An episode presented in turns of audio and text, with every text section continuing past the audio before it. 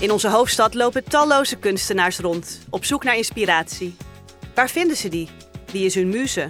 Deze achtdelige podcastreeks aan Muze brengt maker en muze bij elkaar voor een prikkelend gesprek over kunst, inspiratie en natuurlijk Amsterdam. Mijn naam is Mirjam Eke en vandaag is bij mij in de studio aanwezig Aynouk Tan. Aynouk is journalist, curator en adviseur op het gebied van mode, gender en identiteit. Ze bevraagt de heersende normen aan de hand van haar visie en kledingstijl. Wie is de muze van Aynouk die zij vandaag naar de studio heeft meegenomen? Dat hoor je nu. Nou, ik werkte voor een politieke partij en uh, Nilab uh, solliciteerde daar voor een bepaalde functie. En uh, ik mocht in die sollicitatiecommissie zitten. En nou ja, toen Nilab begon te praten, nou ja, ik zat daar met nog twee andere mensen. En ik weet dat het gewoon helemaal stil viel, omdat Nilab op hele, nou ja, als je het hebt bijvoorbeeld over, nou ja, noem het maar op, alleenstaande moeders. Ik zeg maar even wat, dan kon zij verbanden daarover leggen. Over niet alleen dat het zo vervelend is dat je als alleen staat bent, of dat je dan minder kinderbijslag krijgt, of juist meer, of weet ik veel. Dus, maar het ging veel breder dan dat. En dat vind ik heel knap aan Nilab. Dat ze één onderwerp vanuit heel veel verschillende kanten en hoeken kan belichten en bekijken. Uh, uh, vanuit de stad, maar ook van op een concreet niveau. Over hoe bijvoorbeeld alleenstaande moeders uh, leven, maar ook hoe alleenstaande moeders met een migratieachtergrond leven.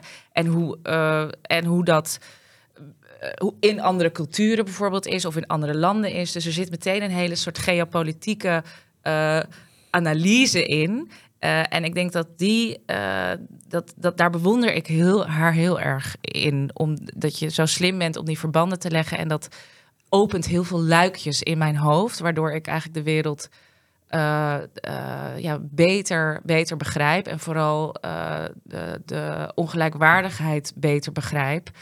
Um, en dat neem ik allemaal weer mee in mijn eigen werk. In de, de, lezingen die ik doe of de ja, andere werkzaamheden die ik doe.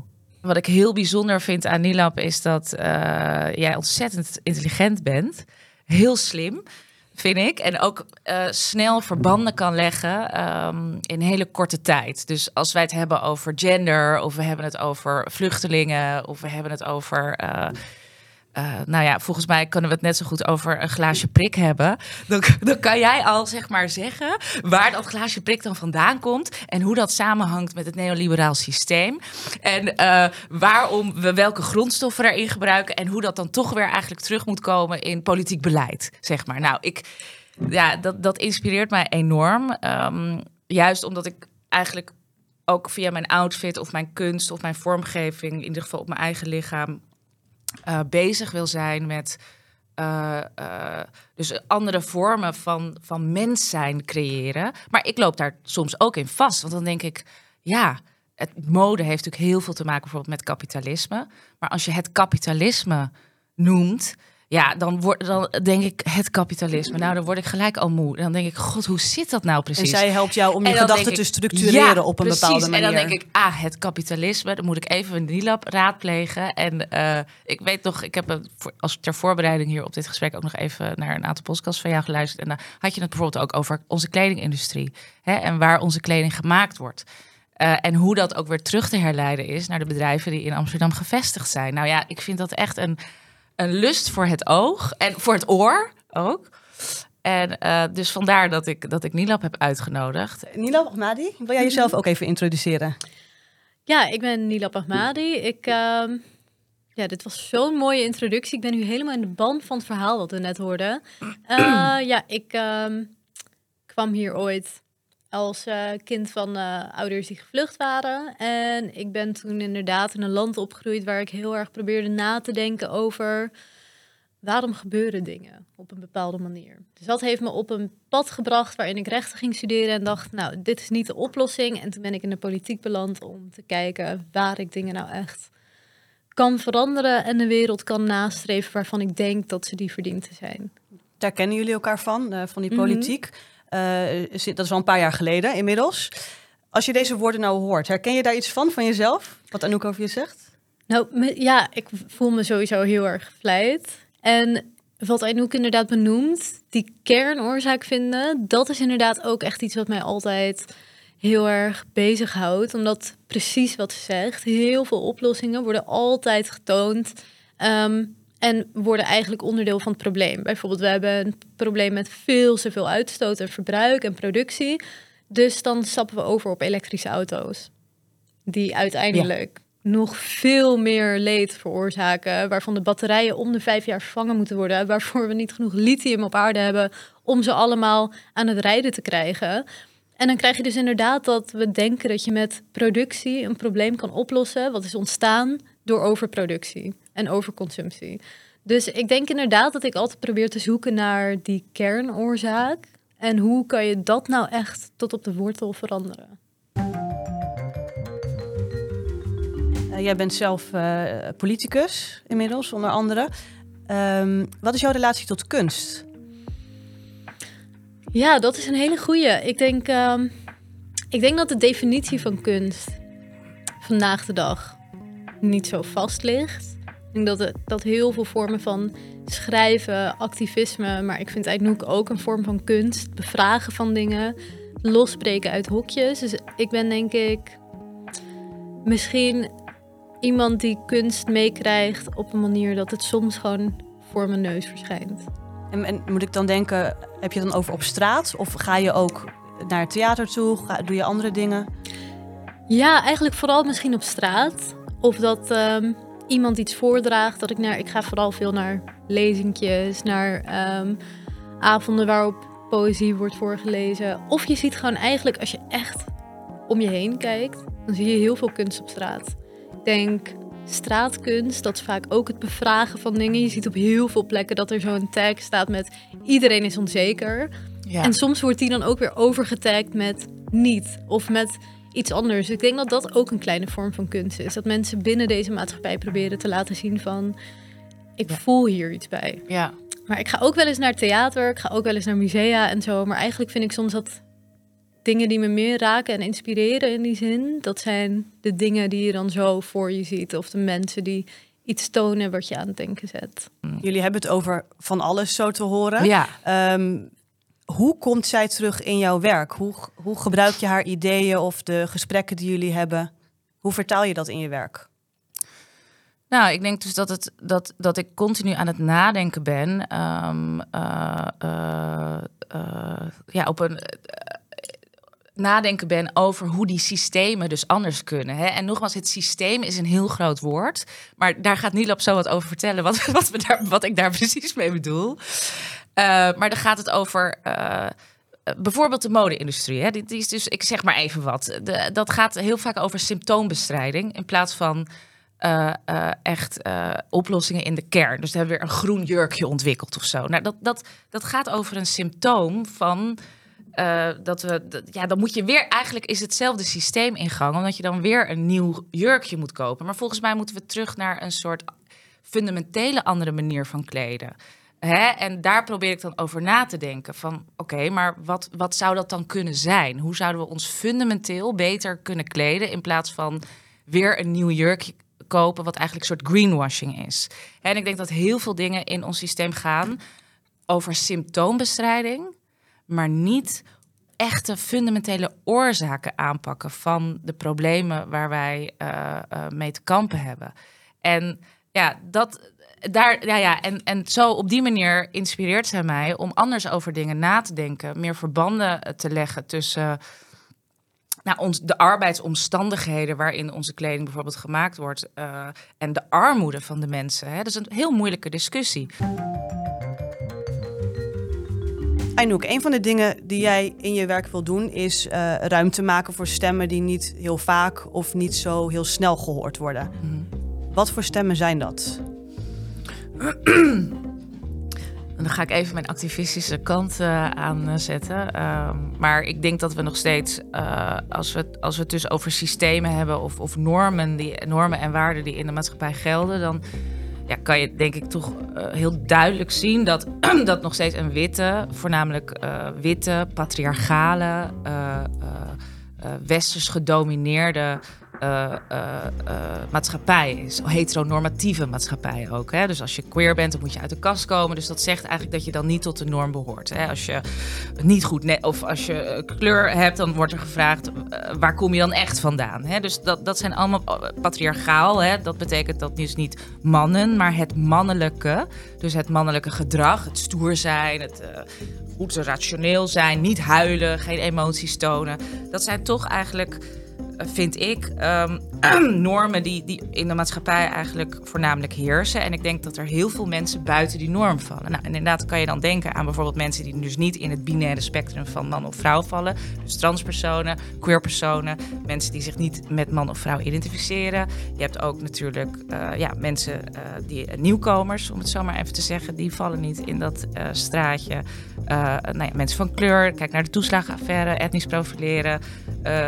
Um, zwarte mensen, wiens geschiedenis natuurlijk op school niet wordt verteld. Um, nou ja, natuurlijk ook nog vrouwen hè, op, op, op vele gebieden. Als je kijkt naar, naar het glazen plafond bijvoorbeeld. Uh, um, nou, mensen met een beperking, dat zeg ik even tussen aanhalingstekens. Daar moeten we misschien ook een ander woord voor vinden, aangezien beperking natuurlijk impliciet iets betekent dat je iets mist.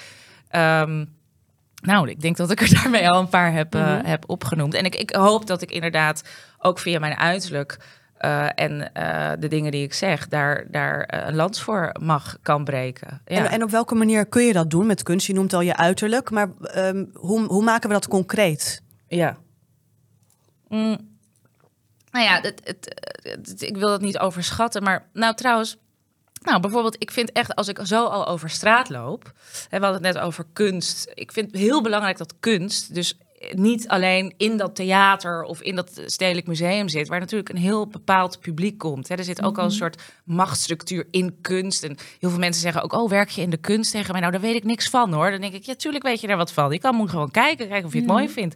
Dus er zit ook een soort machtsstructuur in kunst. Ehm, dus ik vind het heel belangrijk dat ik mijn, uh, de, de, kleding die ik draag, dat ik, ja, waar ik ook kom, dat je daar een verbinding mee aangaat. En dat inderdaad, als ik een ruimte binnenkom, daar, uh, daar iets ontstaat. Uh, een vraag. Heel veel mensen vragen aan mij van waarom heb je dat aan? Dan zeg ik, nou, waarom niet? Nou, en dat is eigenlijk al mijn, mijn kunst. Uh, dus eigenlijk om die verbinding, zijn al. verbinding te maken. Ja. ja um, maar dat is super inspirerend. Want ik denk ook dat in de kunstwereld de vraag al heel lang speelt. Hoe trekken we meer mensen van kleur aan? Maar vaak als ik in het theater zit, dan denk ik, dit is echt de ultieme privilege dat wij de mogelijkheid krijgen om geld te betalen om naar dingen te kijken die ons helpen kritisch over dingen na te denken. En voor heel veel mensen die aan het overleven zijn, is dat het allerlaatste wat bij ze opkomt. Dus dan is ook het gratis toegankelijk maken van kunst, dat neemt vaak niet eens mee dat om de tijd daarvoor te hebben, op het moment dat je aan het overleven bent, dat je niet eens de tijd hebt om te sporten of goed voor jezelf te zorgen, ja. is voor heel veel mensen niet weggelegd. En zo breng je toch het kritische stukje uitdagen en bevragen ja. altijd in zicht. Ja. Ja, en ik denk ook dat ik in die zin natuurlijk iets meer privilege heb dan andere mensen. Bijvoorbeeld omdat ik de taal goed spreek of omdat ik... Uh, mijn vader zei altijd, je moet ABN praten, Anouk, want dan heb je meer kansen. En uh, nou ja, dat is een ander verhaal. Maar Um, dus ik vind het ook heel belangrijk om me juist in uh, kamers van bestuurders of uh, grote bedrijven, juist op deze manier uit te dossen. Om ook een stem te laten horen voor het, het andere, het niet gehoorde. En daarbij wil ik mezelf niet overschatten, maar het is wel een symbool van um, uh, ja, een, een ruimte bevragen. Wat zijn hier de regels? Er zijn eigenlijk heel veel ongeschreven regels in heel veel mhm. ruimtes. Als ik bij een bedrijf binnenkom waar ik dan een diversiteitslezing geef, dan, ja, dan voel je dat ik er binnenkom en dat de ruimte, uh, ja, uh, dat, dat, dat, dat mensen vraagtekens in hun ogen hebben. Hoe reageren mensen dan op je? Um, nou ja, heel vaak vragen ze of ik de act ben.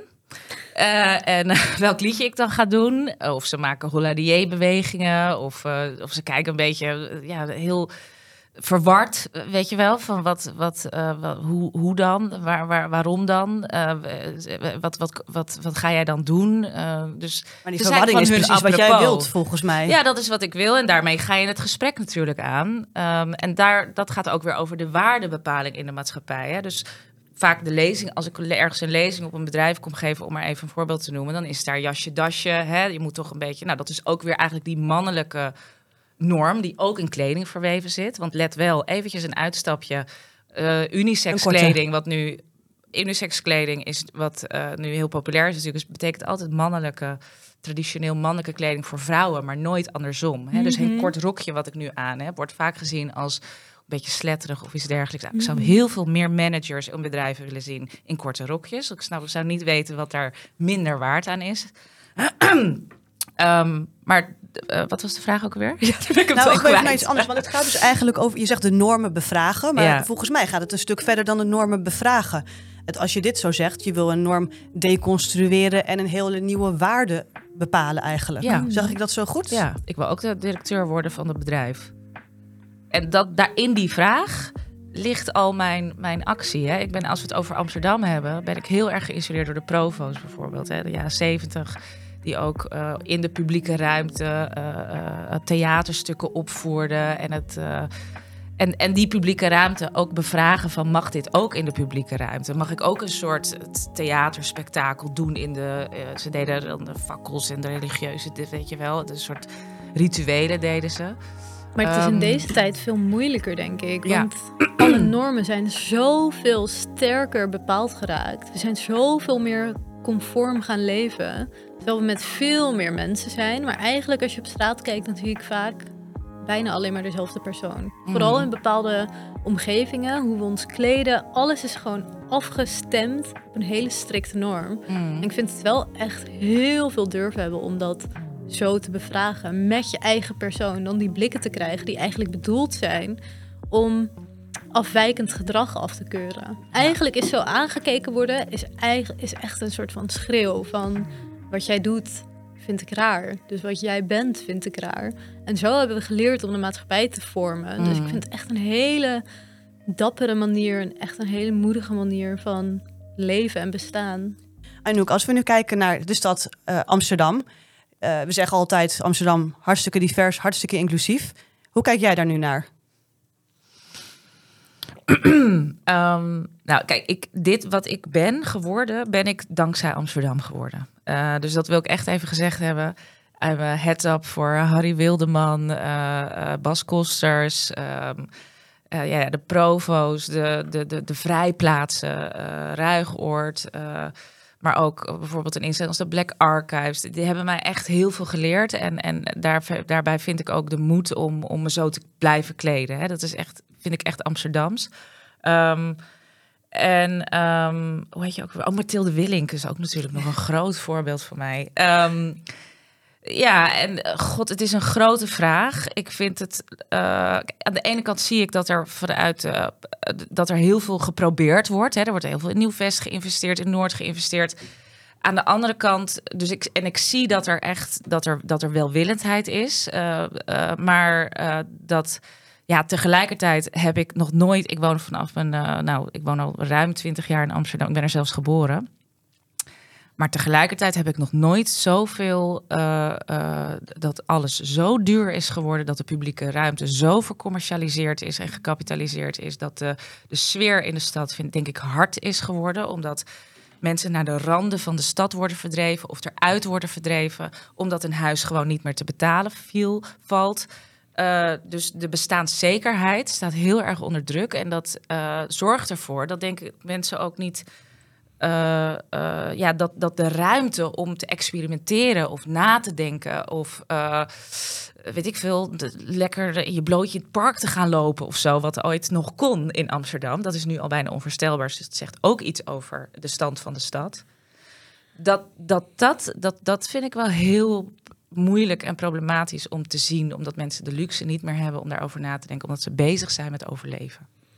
Nou, ik denk als ik me echt moet uitspreken over hoe het gesteld is met de gelijkwaardigheid en inclusiviteit van Amsterdam, dan denk ik dat zolang er ongedocumenteerde mensen leven, dat we er echt nog lang niet zijn. Want als wij als stad nog steeds geen mechanisme hebben gecreëerd om ons te verzetten tegen het feit dat mensen rechteloos en staatsloos zijn, en niet een paar, maar tienduizenden die geen toegang hebben tot opvang, um, die niet kunnen reizen, geen bankrekening kunnen hebben, die niet kunnen werken, die eigenlijk overgeleverd zijn aan echt het ergste lot, dan denk ik dat je als stad er echt nooit bent. En ik denk dat we heel vaak in het gesprek ervan uitgaan dat we het hebben over de mensen die al rechten hebben of die een verblijfsstatus hebben. En ik denk dat daar heel vaak in onze gesprekken een heel groot gemis is. Omdat ik zie dat twee mensen die eigenlijk hetzelfde verhaal kunnen hebben of dezelfde identiteit in zulke verschillende werelden kunnen leven. En dat überhaupt dat we een huis en een dak boven ons hoofd hebben zo'n voorrecht is als we zien hoeveel mensen niet eens daar aanspraak op kunnen maken. En in dat opzicht vind ik het heel teleurstellend, want ik denk dat, ehm, dat de mogelijkheden er zijn, maar de politiek moet de welwillendheid hebben. Dat maakt me heel verdrietig.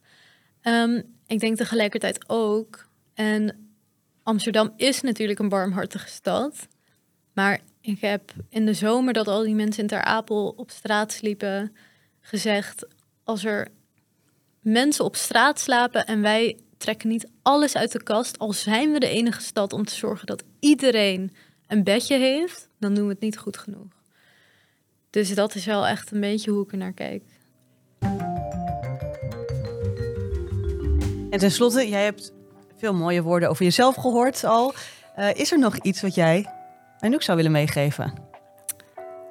Dat Anouk me echt heeft geholpen om ja, ook de wereld te bevragen. Dat ze met hoe ze is en al haar steun en al haar kwetsbaarheid en haar inventief zijn en het uitdagen van mensen en, en uh, plekken en normen, dat ze mij ook enorm inspireert en dat ik haar een van de mooiste paradijsvogels vind die ik ooit heb gekend.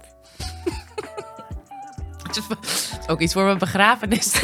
Sorry. Ja, je hebt het boeket al meegenomen, oh, dus het komt goed. Precies, inderdaad. Oh, nee, love you. Heel erg bedankt. Heel lief. Nou ja, het is, het, is, het is wel... Ik wil echt even als laatste zeggen dat het dus ook als... Uh, juist als... Um, ja, iemand waar je vaak moet uitleggen. Hè? Ik moet me vaak uitleggen of verantwoording, verantwoorden. Van, van, dan is het heel fijn als je mensen hebt. En daarom zit dat misschien ook, ook zo diep. En ben je daar ook zo dankbaar voor. Is het heel fijn als je mensen hebt die uh, ja, jou zien.